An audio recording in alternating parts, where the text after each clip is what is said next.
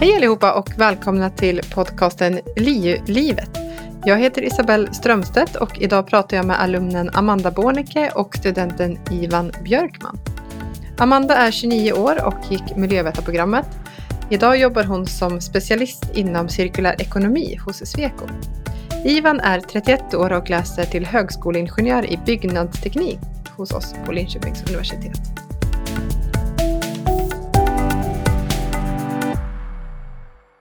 Hej och välkomna till podden LiU-livet.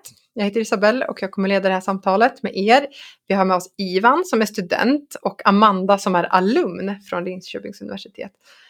Eh, Ivan, kan inte du börja med att berätta lite om vad du går för utbildning? Yes, jag går alltså som högskoleingenjör i byggnadsteknik, tredje året. Mm. Och Amanda, vad har du gått för utbildning? Jag gick eh, miljövetarexamen så jag har en kandidat i miljövetenskap vid Linköpings universitet, campus Norrköping. Gick ut 2000, men gud, 2015 gick jag ut. Så jag pluggade mellan 2012 till 2015. Mm. Kan inte du berätta lite om varför du valde just den utbildningen? Och jo, jättegärna. Alltså jag um, har inte alltid hållit på med miljöfrågor. Jag har inte var, alltid varit så engagerad som jag är nu. Utan det fanns en tid då jag bara käkade kött, jag flög, jag levde i slut och säng, um, konsumerade precis som vanligt. Men sen 2010 så fick jag höra talas om Overshoot Day för första gången. Har ni hört talas om Overshoot Day, ni som sitter med här i podden? Nej. Mm. Ja men eller hur, det kan väl ändå finnas några som, du Ivan hade inte hört talas om det här. Jag kan förklara lite kort vad overshoot day är för någonting. Overshoot day är den dagen då jordens eh, resurser tar slut för vad jorden kan producera för det året. Man kan jämföra overshoot day med att ha en ekonomisk budget för hela året. Men den 3 april varje år så tar de här resurserna slut i Sverige. Och Därefter så får vi låna pengar av vår familj, våra vänner och framtidens alla generationer. Så det är Overshoot Day. Och det var när jag fick höra talas om Overshoot Day eh, 2010. Då skedde den faktiskt i augusti, så den, det har hänt eh, rätt mycket sedan dess. Men då tänkte jag, men så illa kan det inte vara. Så som alla sa på Overshoot Day. Så farligt kan det inte vara. Men ju mer jag läste, desto mer insåg jag att det faktiskt är värre än vad, eh, vad som skrivs i tidningarna. Så jag bestämde för att släppa allting jag höll på med i livet då och ägna all min vakna tid till hållbarhetsfrågor. Jag eh, började plugga en extra kurs i miljövetenskap redan på gymnasiet som tog mig till eh, den här kandidaten vid Linköpings universitet. Mm. Och tyck, vad tyckte du, hur tyckte du att utbildningen liksom utvecklade ditt engagemang? Jag skulle säga att den var som en språngbräda ut i arbetslivet. Dels eh, kurserna och innehållet i själva programmet. Vi hade ju också extremt engagerade programsamordnare då som verkligen var eh, i våra studier med oss tyckte jag. Eh, men det var också den andra delen av det, vårt eh, kårhus och det studentlivet som finns vid LI. För det gav mig nätverk utöver de eh, Eh, som jag pluggade med som gick i min klass som också var miljövetare. Så lärde jag känna arbetsterapeuter, sjuksyrror, eh, socionomerna, allt via kårhuset. Så det var som en egen liten hubb. Eh, och det tyckte jag var extremt trevligt. Nu har jag pluggat vid några andra universitet också eh, efter det här. Jag har varit i Indien, i Nederländerna och i Uppsala i Sverige. Men det finns inte något annat universitet som kan matcha sig med vad hur bra jag tyckte Linköpings universitet var. Hade jag vetat allt jag vet nu så hade jag stannat på LiU och gjort mastern på LiU också. Mm. Vad kul. Det låter som att det var ett eh, lätt val för dig att eh, välja miljövetarprogrammet. Uh, nej, det var det faktiskt inte. Inte, um, inte lätt liksom bara som att välja utbildning, men det som var så himla häftigt och som är fortfarande så häftigt med miljövetarprogrammet är att det är baserat på problemlösning, problembaserat lärande. Vilket gör att vi inte har, jag tror vi har en salstenta totalt på de här tre åren och sen har vi lite andra sätt att göra eh, examination på. Eh, och det passade mig jättebra för att jag har aldrig presterat så bra på tentor. Det är inte riktigt min, eh, min form av eh, där jag presterar som bäst, utan jag är bra på att prata, argumentera, presentera, vilket vi bli, har blivit bedömda på här. Så det passade mig perfekt. Det var en stor anledning till varför jag valde just miljövetarprogrammet vid Linköpings universitet och inte vid något annat universitet. Mm. Spännande. Hur var det för dig Ivan när du sökte utbildning? Var det ett lätt val för dig? Eh, ja, det var det till slut. Men eh, först och främst så var det inte det jag hade tänkt. Alltså jag har alltid varit en eh, person som inte tyckte att jag varit bra på matte. Om man tänker på ingenjörsutbildningar så är ju matte liksom number one. så det var ju min, eh, min skräck. Men eh, jag pratade med, ehm, ja men jag ville bli arkitekt från början. Så jag pratade med eh, arkitekter i min närhet och liksom kollade med dem. Ja, men vad är det ni gör?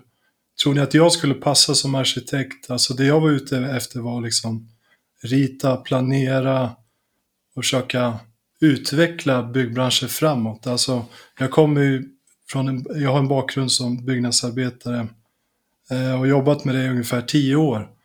Så att det, för mig har det varit ganska tydligt vad, vad det finns för problem i byggbranschen med, med effektivitet och produktivitet. Och det var det jag ville förändra kombinerat med eh, kombinerat med eh, eh, att hålla på med design egentligen.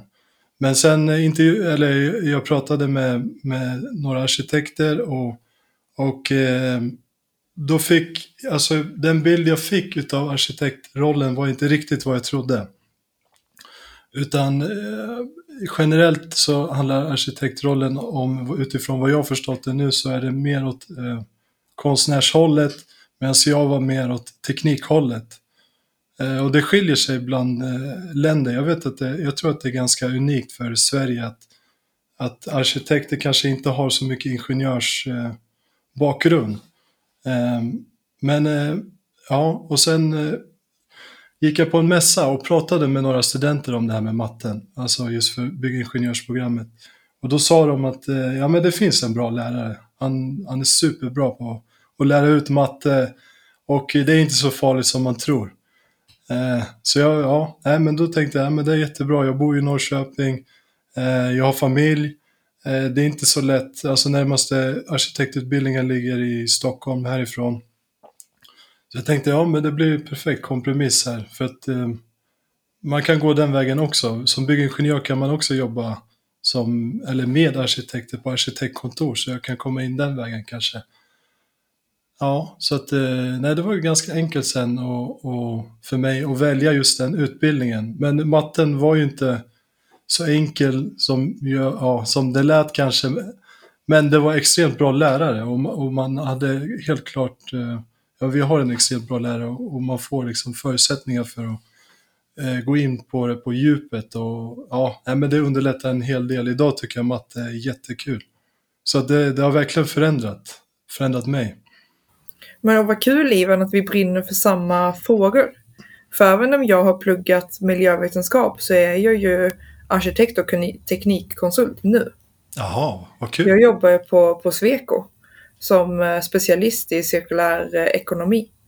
Jag brukar dock inte presentera mig som det för våra kunder, för då är det precis som att man inte vet vad jag jobbar med. Det går inte att förstå det, men jag brukar förklara min roll som konsult lite som en PT. Jag är en personlig tränare i hållbarhet fast för företag. Så man ringer in mig till sitt projekt när det är dags att klimatbanta. Eh, och då får jag jobba väldigt nära arkitekter. Eh, för det handlar om stadsplanering. Alltså hur vi kan planera den cirkulära staden. Eh, och göra den så resurseffektiv som möjligt. Alltså hur kan vi planera hela kvarter, precis som att det inte ska uppkomma något avfall där överhuvudtaget. Sånt tycker jag är jättespännande. Ja, det är jätteintressant. Hur var det att gå då, Ivan, från jag tänker, du började ju i, um, i yrket mm. och nu pluggar. Och Amanda, du, har väl lite an- du började väl i plugget och kom ut. Fast du har väl jobbat en hel del innan också? Men med annat eller? Ja, jag har alltid jag har varit egenföretagare innan, som innan jag började plugga. Och sen blev jag egenföretagare igen. Um, och då fick jag ju ett uppdrag, ett konsultuppdrag hos en liten rivningsentreprenör Och då blev jag ju rivare istället. Eh, för att jag tyckte den branschen var så himla rolig. Så oavsett vilka uppdrag som jag tog i den eh, konsultbyrån så skulle jag vara minst 50% innanför byggstängslet. Men inte att eh, jobba med sånt som Ivan vill jobba med, med att bygga och rita och planera, bygga upp grejer, utan jag får ju riva dem. jag river ner grejer. Och så försöker jag ta tillvara på så mycket material som det bara går. Men det har varit extremt nyttigt att vara innanför byggstängslet, att stå där med handsläggaren och bryta ner de här väggarna eller riva med en rivningsrobot och eh, förstå branschen och hänga med dem som man också ska coacha. Med rivarna, med håltagarna, med asbestsanerarna och göra precis samma uppgifter som dem. Hur, det, hur tyckte du att var, vad tyckte du att din utbildning, liksom, hur tyckte du att den förberedde dig för arbetslivet? För du jobbar ju inte riktigt med det traditionella som man jobbar med, med när man har gått miljövetarprogrammet. Men vad i miljövetarprogrammet tyckte du att du kan ta med dig in i arbetslivet? Mm, jag tyckte framförallt att eh, praktikkursen och att det tredje året för miljövetarna är väldigt flexibelt. Man har Eh, valbara kurser en hel termin och sen på våren så finns det en praktik och en uppsats. Eller så läser man en valbar kurs eh, till istället för praktiken. Men det gör inte det, utan välj praktiken, ni som lyssnar. För att, det, att få en fot ut i arbetslivet är eh, så viktigt. Även om man har tänkt att man ska plugga vidare på en master sen så är de där kontakterna guld värda sen. Och det finns inte alla miljövetutbildningar som ens har praktik, så det där är en lyx. Så den måste man eh, ta den chansen att verkligen använda praktikkursen till att genomföra någonting riktigt kul. Och jag var jätteinspirerad av de som gick i klassen under mig för att de använde sin praktikperiod för att starta en egen podcast. Alltså för att starta egna företag. Så det måste ju inte vara att du praktiserar hos någon annan utan se de här fem veckorna som att skapa någonting eget och någonting som du verkligen kan använda sen. Mm. Och hur var det för dig Ivan att gå från att jobba till att börja studera? Jo, det var jättekul faktiskt. Och det var mycket som förändrades. Alltså jag, jag är trebarnspappa och har eh, familjelivet utöver studierna. Men mitt liv eh, varit mycket mer liksom flexibelt och ja, det varit eh, jättestor skillnad. Och från arbetslivet så fick jag ju med mig liksom alla grunder som var, som var en fördel för mig. Sen när vi, när vi studerar liksom teori så kan det vara svårt att förstå helheten när vi räknar på saker och balkar, vi ser kanske ett tvärsnitt och, och sen är det inte, ja, det kan vara svårt att förstå helheten och det kände jag som en, som en lyx att, det, ja okej, okay, ja men jag fattar lite hur det, hur det är uppbyggt från grunden, så det, det, det har varit jättebra. Det är ett tips till de som ska plugga till byggingenjörer att ta, ta er lite tid och kolla på, kolla på helheten. Det är bara alltså YouTube eller liksom sådär så att man förstår helheten bättre. För jag vet att det, det kan vara svårt för många att förstå det. Mm. Det låter ju väldigt klokt att, eh, och väldigt bra att kunna ta med sig sin erfarenhet mm. Eh, in i skolan och visa för dina eh, klasskamrater också liksom, hur det ligger till. Men hur är det att kombinera studierna med eh, föräldraskapet och hur var det att komma in i en klass som familjefar?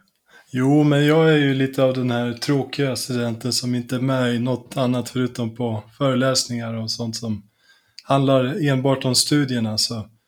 Men eh, det funkar ju det också. Det, det, det, det har funkat jättebra för mig. Alltså, främst det här med att, att, kunna vara flexibel och inte att man måste vara på ett ställe eh, som på en byggarbetsplats. Det är liksom det är 7 till 4 och du, ja, och det kanske är i en annan stad och det, det kräver mycket tid.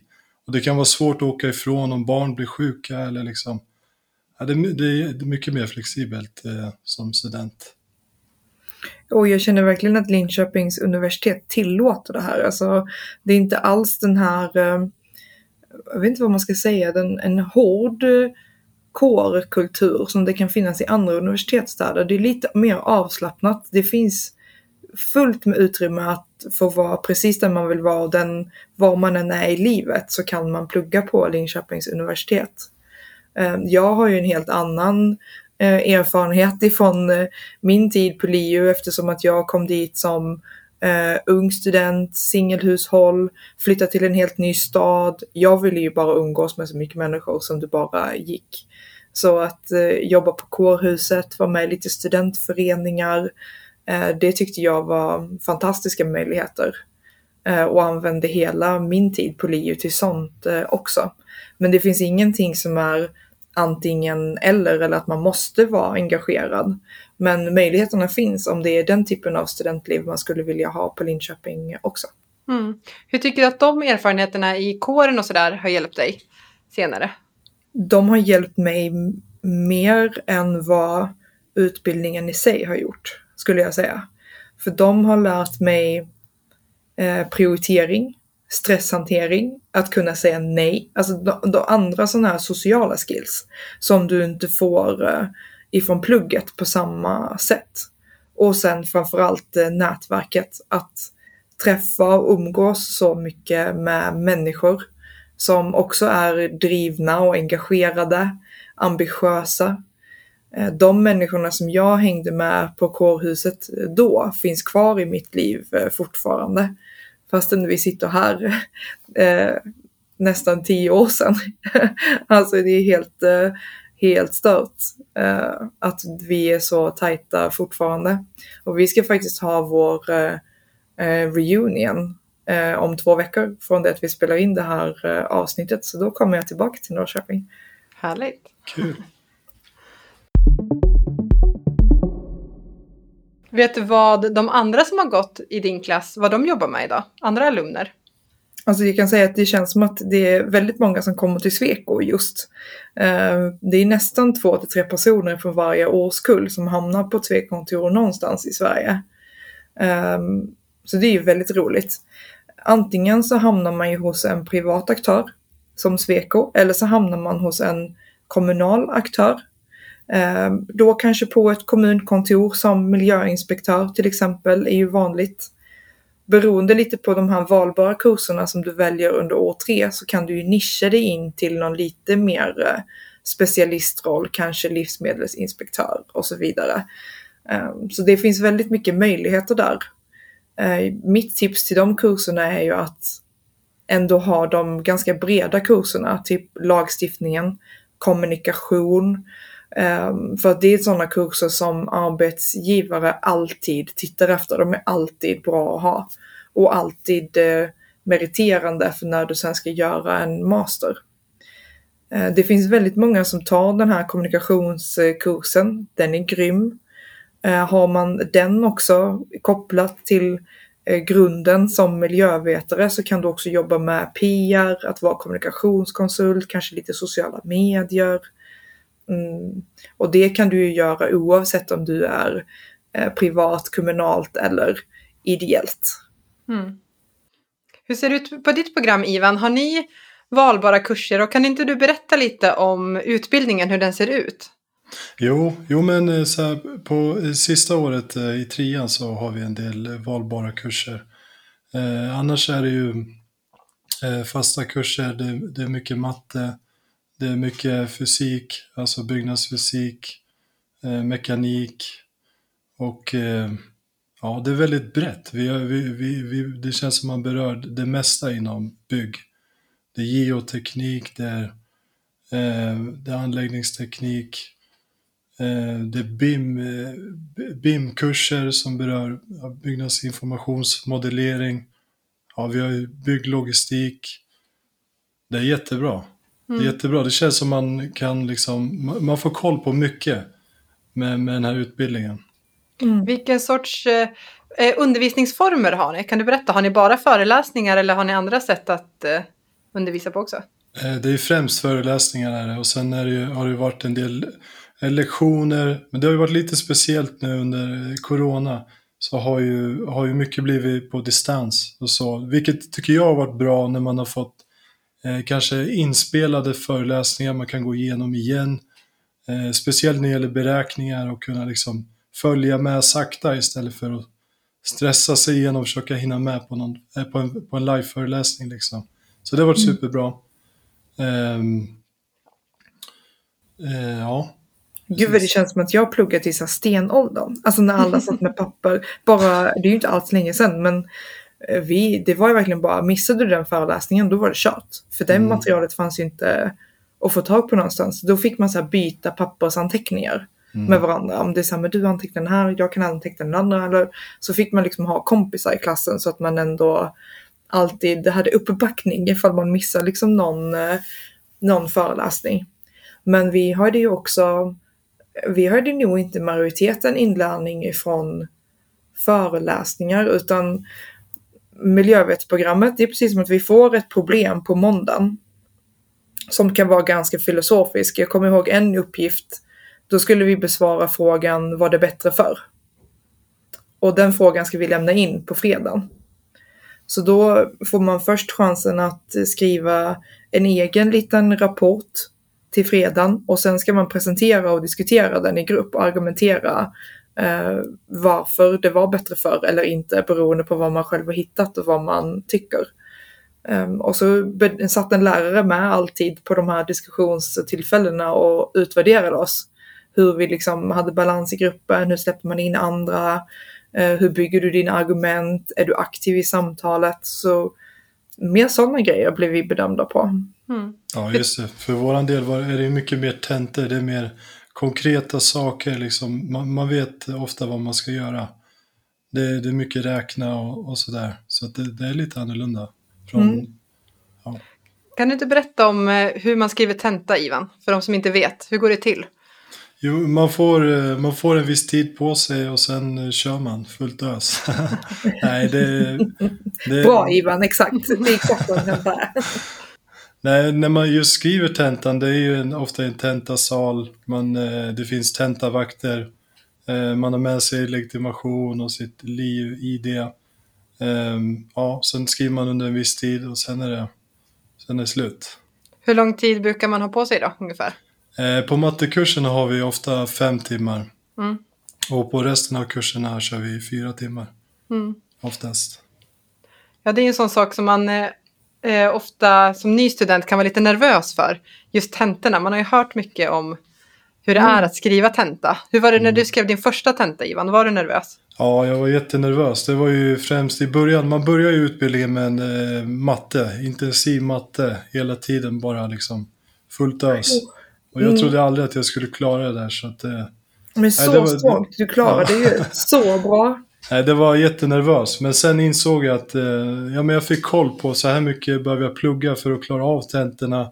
Och jag insåg att det handlar mer om att lägga tid. Det handlar inte om att kunna saker när, när de liksom nämner det på föreläsningar utan det handlar om att lägga tiden. För mig har jag alltid sett så här att det, för mig blev det som ett jobb, eller mer som ett jobb att eh, så länge jag kör åtta timmar om dagen eh, så kommer jag klara det och det, det, det har ju funkat hittills. Så att, eh, det tror jag är en bra strategi. Att man ser det som ett jobb, jag börjar åtta ja, Mm. och kör till eh, fem. Gud vilka bra tips. Men hur många tentor har ni liksom per termin? Eller har ni flera kurser då som ni också läser parallellt? Eller hur funkar det på bygg... eh, Ja, precis. Det är ju, vi, ofta har vi två eller tre kurser som går parallellt. Ah. eh, som avslutas, eh, ja så vad blir det, fyra till sex kurser per termin. Eh, så det, är- det är väldigt mycket som händer samtidigt. Men det är också roligt, alltså eh, det, det är roligt, man får lära sig mycket av, eh, ja, mycket av mycket. För vi hade mer så här fem veckor samma. Och sen så tentar man, eller tentar man inte av det utan vi blir ju baserade på den här argumentationstekniken. Men sen lämnar vi liksom det ämnet och så går vi vidare till en annan kurs. Mm. Ja, Ja. det kanske man kunde ha önskat ibland också, att man kunde fokusera på en sak. Nu gör vi det när vi har examensarbete, då är det ju verkligen en sak bara. Mm. Så det, ja, det är kul att få köra det också. Alltså jag tror att vår utbildning är upplagd på det här sättet eftersom att det inte finns någonting eh, Alltså det är inte sant eller falskt eller att den här eh, dosen eller den här medicinen skulle ge den här effekten utan miljövetenskapen förändras varje dag beroende på vilken ny teknik som släpps eller om det är någon ny eh, rapport som har släppts eller nya företag, marknader som spelar med varandra. Så är man miljövetare så är man duktig på informationssökning. Att ta in mycket information snabbt, eh, kunna göra små rapporter på det och sen också kunna förmedla vidare det till någon. För att det är det vi behöver göra på en daglig basis i våra jobb. Ta in information, paketera om det så att alla förstår och sen så lär vi ut det till, till alla andra som finns här på min, på min arbetsplats eh, till exempel. Men det känns väldigt eh, kul att vi har så olika liksom, sätt att plugga på Ivan. Att ni har den här strukturen på ett annat sätt än vad, än vad vi har när vi pluggar. Mm, jag håller med. Ja, det är ju väldigt olika från fakultet till fakultet ofta. Jag tänker, vi har ju tre olika fakulteter, medicinska, tekniska och filosofiska fakulteten. Och på dem är det ju faktiskt väldigt olika. Men det är ju som sagt det är kul. Och, men Ivan, hur tycker du att det är nu när ni läser många kurser parallellt? Tror du att det kommer gynna dig sen när du ska ut i arbetslivet? Ja, jag tror det. Jag tror att det ger en bra bas. Alltså eftersom de är, det är väldigt olika som jag sa, geo, geoteknik, eh, det är trä och stålkonstruktion och sen är det vatten och avlopp. Det är liksom, de, de skiljer sig åt. Ofta finns det en röd tråd att det, liksom, det handlar om beräkning.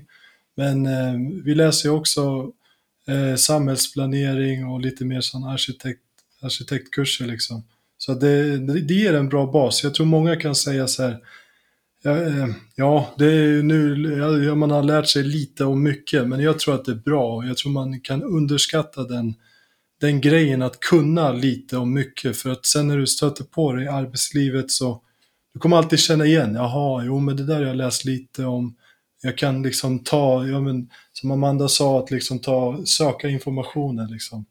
Det blir lättare att söka, söka upp den, man har en liksom grund i informationen. Istället för att börja på noll. Liksom. Vad tänker du nu Du nämnde lite vad du vill göra senare, men hur tänker du nu när du är i slutet på din utbildning? Vet du vad du vill göra sen? Ja, jag ska börja som eh, bygg och projektledare i höst.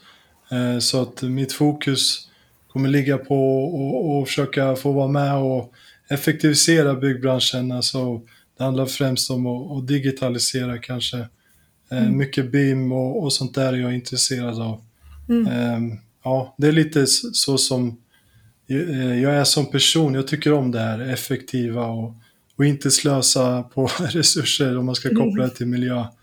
Det, det, det är bra. Och jag tror det, i byggbranschen så ja, vi ligger lite efter i, i produktiviteten främst och det kan ju många debattera om det verkligen är så, men viss forskning visar att det är så.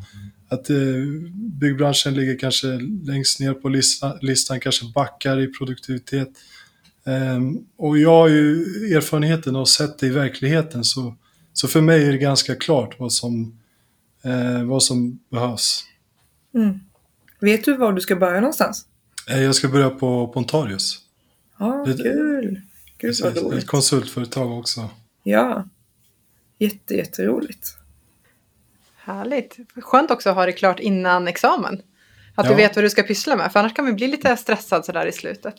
Ja, ja, nej, jag tycker inte om att stressa så jag försöker få klart det så, så tid som möjligt. Det är smart. Amanda, kan inte du berätta lite om hur din resa såg ut efter du hade gått klart miljövetarprogrammet? Mm. Eh, ska vi se, så efter eh, mitt tredje år på miljövetarprogrammet då var jag i Nederländerna en termin och sen Indien den andra terminen. Jag skrev uppsatsen i Indien. Så när jag kom tillbaka till eh, Sverige så sommarjobbade jag i Arboga och sen så började jag, då var jag på elkretsen och jobbade med elskrot för jag ville lära mig allt om elavfall. För det var en, en avfallsström som jag inte hade stött på annars. Så då ville jag lära mig lite om den. Tog ett sommarjobb i Arboga, bodde där. Sen började jag plugga en master i miljökommunikation eh, i Uppsala. Eh, gick den två år. Eh, tog inte ut min examen utan valde att göra om min masteruppsats till mitt första konsultuppdrag i, min, i mitt nya bolag. Ehm, för att ICA Logistik som jag skrev för ville köpa loss det här resultatet istället för att eh, jag skulle lämna in det som ett forskningsresultat. Och det passar mig mycket bättre för att jag hade inte tänkt att jag ville använda min masterexamen till att göra en eh, forskarutbildning eh, vidare eller ta en PhD. Alltså jag hade inga sådana planer alls utan jag ville verkligen bli konsult. Eh, så det körde jag på. Och sen blev jag eh, egen konsult istället. Jag tyckte att jag hade så sökt jobb. Jag tyckte inte att jag fick eh, de jobben eller det som jag strävade efter. För jag tänkte ju också att jag har ju drivit bolag så många gånger och så länge att jag ser mig inte som när jag tar den här masterexamen så börjar inte jag om från scratch. Jag ser mig inte som nyexaminerad utan jag letar strategiskt efter ett visst antal tjänster. Eh, men många tyckte fortfarande att jag var för ung. Det tyckte inte jag. Så istället för att rätta in mig i ledet och, och liksom, ja men okej, men då får jag väl ta ett, ett annat typ av jobb. Så tänkte jag, nej, det tänker jag inte göra. Jag ska göra det här på mitt sätt. Jag startar ett nytt eget konsultbolag direkt och bara eh, använder det som en sista språngbräda för att verkligen visa vad jag går för. Eh, att driva ett första konsultbolag har varit jättelärorikt. Jag valde ju att fokusera på varumärkesutveckling, miljökommunikation och sociala medier. För det är det jag är ganska duktig på rent naturligt. Ni som inte har spanat in min LinkedIn eller min Instagram kan göra det på en gång. Eh, Amanda Bornecke heter jag där. Eh, jag jobbar som influencer men inte som en, en vanlig influencer. Jag kallar det jag gör för en expert influencer där jag delar med mig av eh, vetenskaplig fakta och expertkunskap varje dag. Eh, nästan exkluderande om rivning, återbruk och cirkulär ekonomi har jag lyckats driva igång några konton om, vilket är fantastiskt kul att det finns fler som tycker det här är så roligt, så som jag tycker att det är. Det låter som att du har en väldigt eh, blandad, eh, ett blandat liv. Kan inte du berätta lite om hur en vanlig vardag kan se ut för dig? Mm. Ja, men som eh, PT i hållbarhet, om vi ska prata om min yrkesroll, då kan det ju finnas det, har jag åtta timmar på min dag så kan det vara åtta olika uppdrag jag har den dagen. Men eh, lite grann är föreläsningar, eh, faktiskt föreläsningar, hålla utbildningar. Eh, vissa uppdrag är rena rivningsprojekt. Då får jag gå ut igen och vara innanför rivningsstängslet eh, men som arbetsledare eller som eh, materialinventerare är en favoritroll att ta mig an. Som materialinventerare kan man se sig nästan lite som en byggnadsdetektiv. Jag ska liksom gå ut och hitta materialen som är den här brottsplatsen, den här rivningen som vi ska riva. Och liksom vi ska ha vi ska slänga så här många fönster, vi ska slänga så här många dörrar, så här många kvadratmeter golvvärde. Eh, den där röret får vi inte röra, röra just nu för den ser ut att innehålla asbest. Det måste vi ta prov på först. Och sen så eh, lägger jag alla de här proverna i liksom mitt labbkit och så tar jag med mig det till labbet så får jag stå och analysera lite och sen får jag skriva en rapport på det här till kunderna.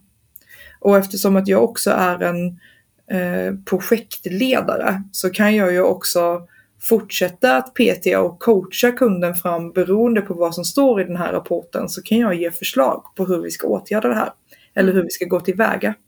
Så egentligen hela kedjan, hela byggprocessen kan jag vara i med olika erbjudanden beroende på vad eh, kunden vill ha hjälp med. Lite så försöker jag se det att oavsett vad de har för problem inom eh, hållbarhet eller återbruk så ska vi, jag kunna lösa det åt dem. Mm.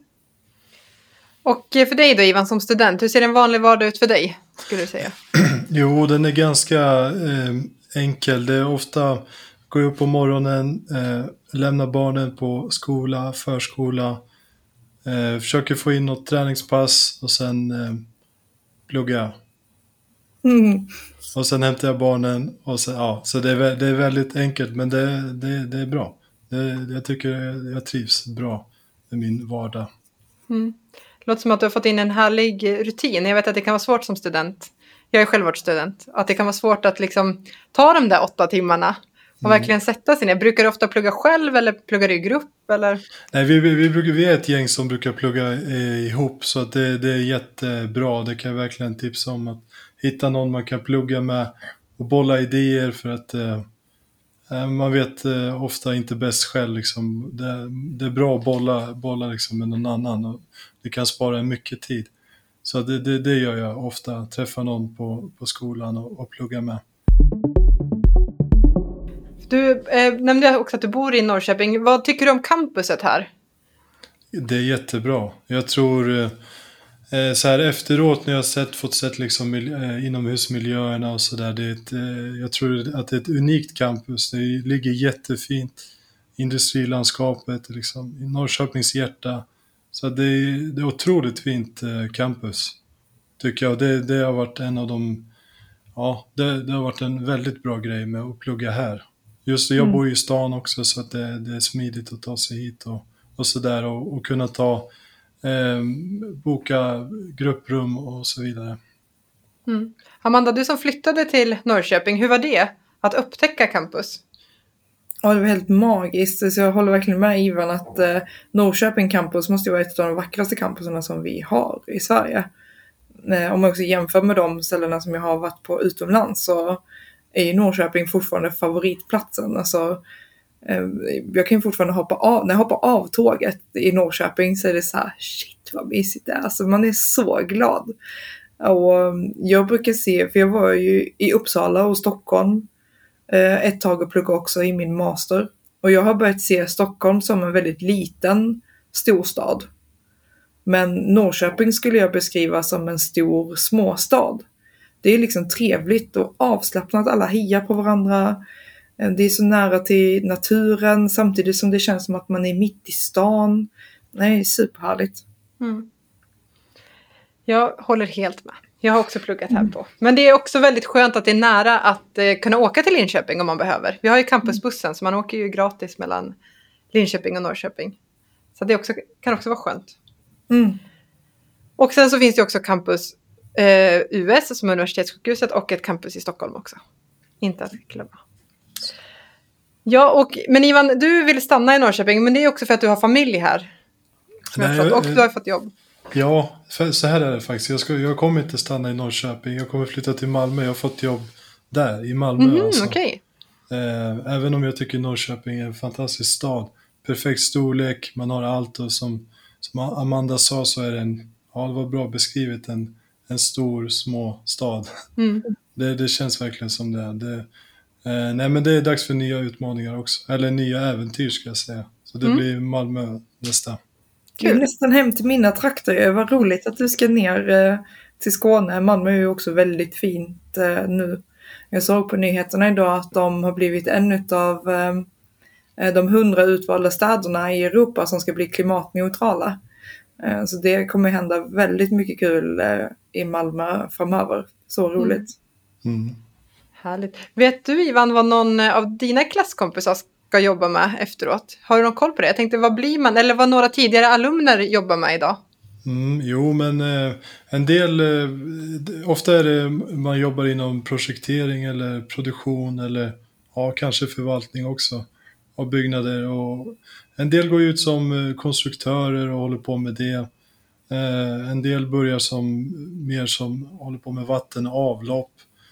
Eh, en del vill direkt ut i produktion för att ja, men de, de vill lära, lära upp sig i praktiken och vill se saker på riktigt innan man blir konstruktör kanske. Så att en del börjar som arbetsledare och sen kanske platschef och, och sånt där. Om ni skulle vända er till eh, er när ni sökte utbildning, vad skulle ni liksom ge för tips, eller om ni ska vända er till någon annan som ska söka en universitetsutbildning. Vad tycker ni att de ska tänka på? Vad tycker ni är viktigt att tänka på när man ska börja? Du har nämnt det lite grann, Amanda. Mm.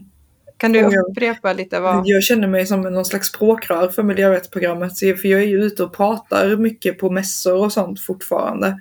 Så då slussar jag ju liksom så många människor jag kan till miljörättsprogrammet vid Linköpings universitet. Men eh, det första som jag nämner för dem är tvärvetenskapligt, att man ska plugga tvärvetenskapligt.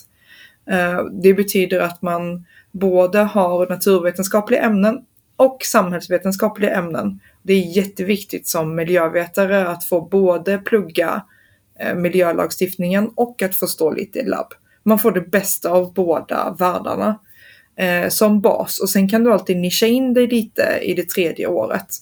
Men de flesta miljövetarutbildningarna är inte upplagda så här, utan de är samhällsvetenskapliga rakt igenom eller naturvetenskapliga rakt igenom. Det som LiU erbjuder att man verkligen får det här tvärvetenskapliga, divisionsöverskridande, ämnesöverskridande är eh, väldigt unikt.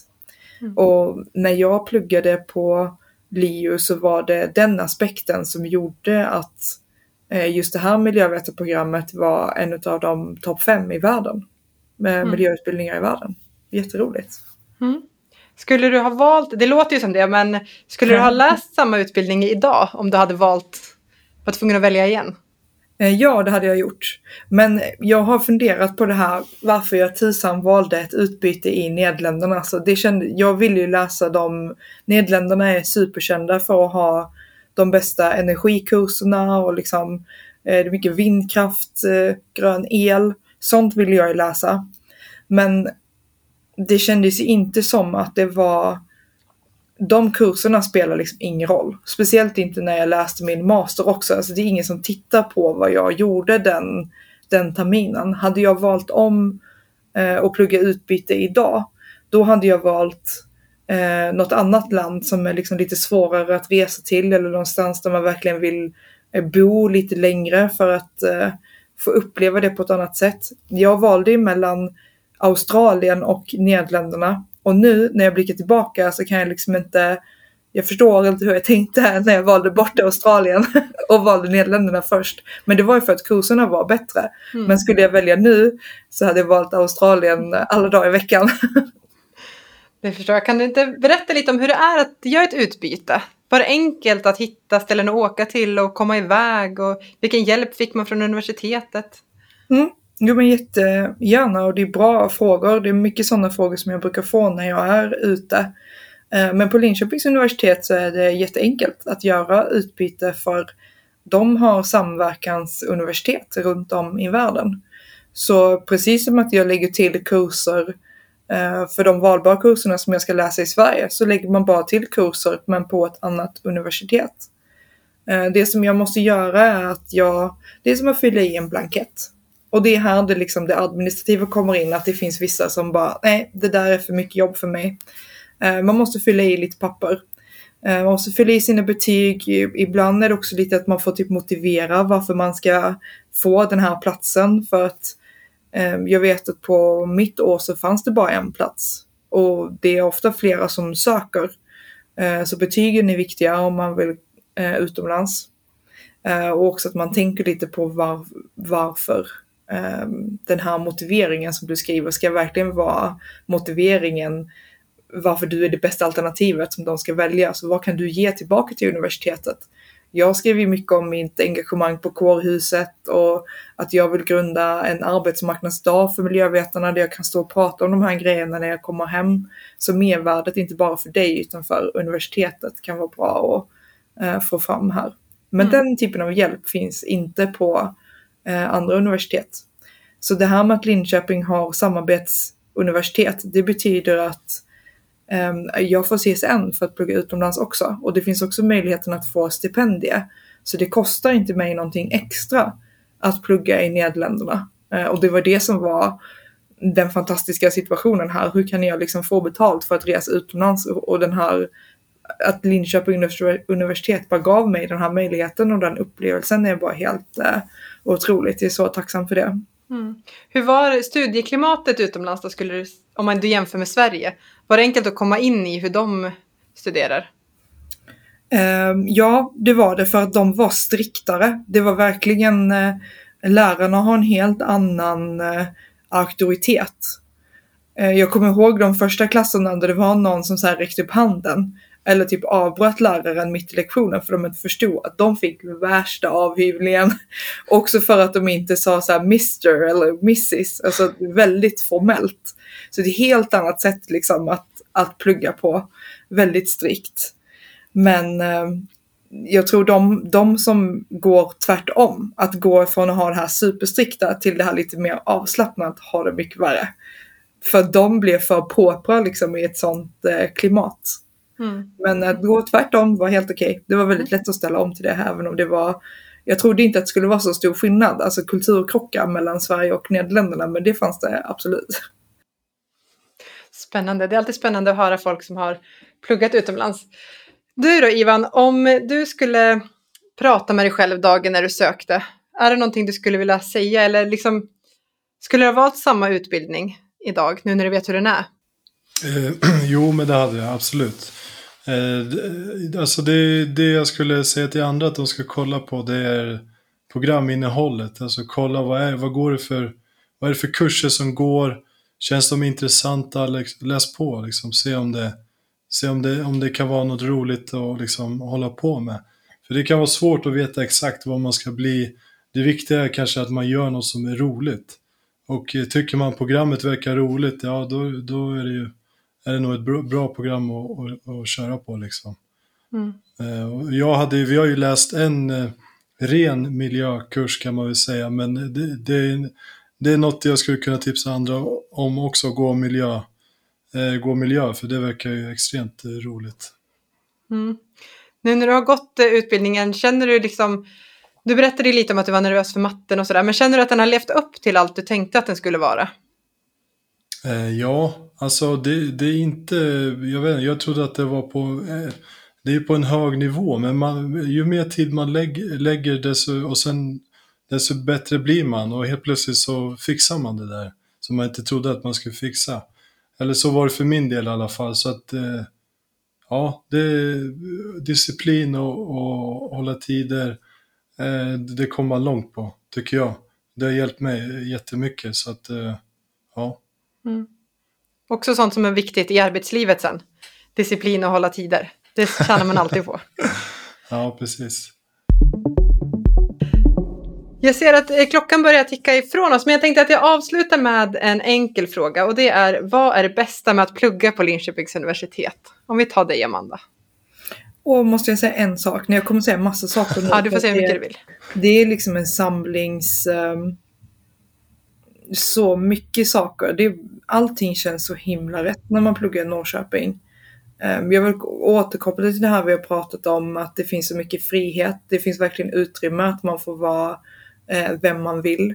Oavsett vilket, eh, vilken fas man är i livet så är Linköpings universitet ett ställe att plugga på ehm, kårlivet måste jag ju säga här också, jag måste represent, alltså hela, alla föreningar, alla marknadsföringsgruppen, Max Festeri, eh, de kontakterna och de vänskaperna som vi slöt under den perioden är människor som stannar kvar i livet resten ut. Livet hänger kvar liksom, även om man inte är eh, liksom officiellt plugga på universitetet så finns eh, alla kopplingar kvar tycker jag. Det blir en del av en. Mm. Du då Ivan, vad tycker du är bäst med att plugga på universitetet? Nej men eh, som vi har nämnt eh, tidigare så är ju campuset, alltså Campus Norrköping är ju fantastiskt fint och sen eh, just byggprogrammet är bra på det så jag hade inte förväntat mig att vi, vi, vi skulle ha så mycket BIM-kurser och det tycker jag har varit superbra. Och bygglogistik måste jag också säga att det är en fantastiskt bra kurs. Ehm, så det är det och sen, och sen det här med kårlivet, jag har ju sett det utifrån och det, och det ser ju det, det ser jätteroligt ut, verkligen. Och jag tror, jag tror att, eh, att det, det, känns som det är enkelt att komma in i det och träffa människor. Det är enkelt att skaffa kompisar och liksom folk, mm. de känns öppna. Så att det, ja, det känns, det verkar jättebra. Mm.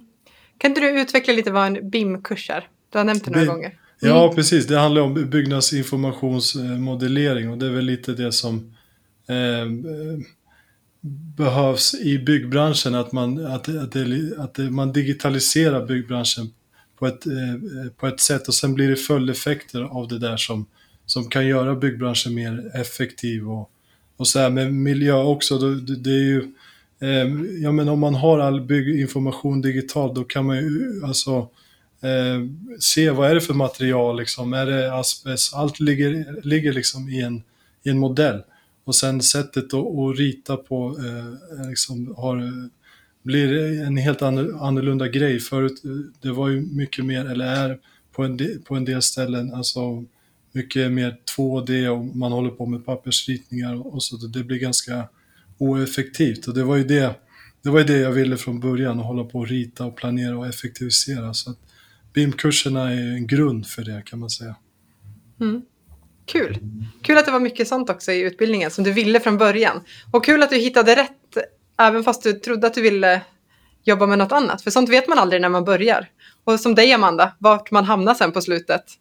När man har Mm. läst klart en utbildning. Det kan ju också vara kan också så här tryggheten typ som man kan ge till de som lyssnar. Att man behöver inte veta det. Alltså, man måste bara ha tillit till den här processen och Eh, stressa eller så här, grubbla inte för mycket över det. Man kommer hamna liksom precis där man ska vara ändå. Så njut istället av eh, LiU-livet. För det, det skulle nog vara mitt så här, tips eller så här, råd till de studenterna. Att jag, nu kan jag ju fortfarande tänka till så här, men jag vill läsa en kandidat till. Bara för att få komma tillbaka till LiU.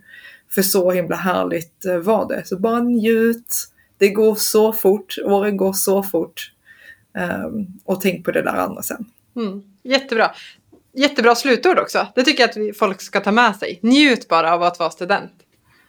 Så jag vill tacka er så jättemycket Ivan och Amanda eh, för att ni tog er tid idag. Mm. Och så ses vi i svängen. Och eh, Amanda, vill du tipsa om någonting? Jag vet att du har, du nämnde ditt Instagramkonto där.